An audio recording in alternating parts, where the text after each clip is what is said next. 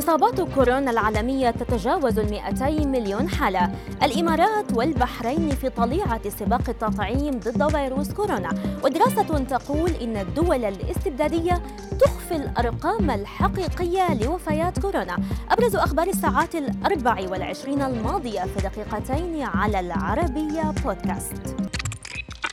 تجاوز عدد المصابين بفيروس كورونا على مستوى العالم ال 200 مليون نسمة فيما وصل إجمالي عدد الوفيات إلى نحو 4 ملايين ونصف المليون حالة بحسب إحصاء لوكالة رويترز. وأظهر الإحصاء أنها أنه تم تسجيل الإصابات بكورونا في أكثر من 210 دول ومناطق منذ اكتشاف أولى حالات الإصابة بالصين في عام 2019 وكشف الإحصاء أن الولايات المتحدة تصدرت قائمة دول دول العالم العشر الأكبر من حيث عدد الإصابات بفيروس كورونا والعراق على رأسها عربياً. لا تزال الهند تسجل ارتفاعا بالإصابات بفيروس كورونا بمعدل يتراوح بين 30 و 40 ألف حالة إصابة يوميا منذ يوليو الماضي معلنة عن تسجيل أكثر من 35 ألف حالة إصابة خلال ال 24 ساعة الماضية. وأعلنت وزارة الصحة بالهند ارتفاع مجموع عدد الإصابات في البلاد إلى أكثر من 31 مليون حالة. قدر العلماء مؤخرا أن حصول 80 إلى 85% من السكان على لقاحات كورونا ستكون النسبة الضرورية للوصول إلى مناعة القطيع ضد الفيروس.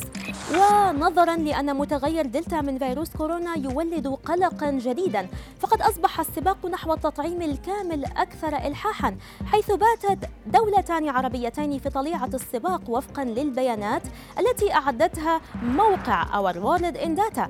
واحتلت الإمارات الإمارات العربية صدارة الترتيب مع تطعيم أكثر من 71% من سكانها حتى يوم الجمعة الماضي. ثم تلتها البحرين مع تطعيم ما يزيد على 62% من السكان. كشفت دراسة علمية جديدة عن وجود فجوة كبيرة بين الأرقام الرسمية المعلنة للوفيات المرتبطة بكورونا والأرقام الفعلية التي تزيد بنحو مليون حالة وفاة إضافية عن الأرقام المعروفة المعلنة.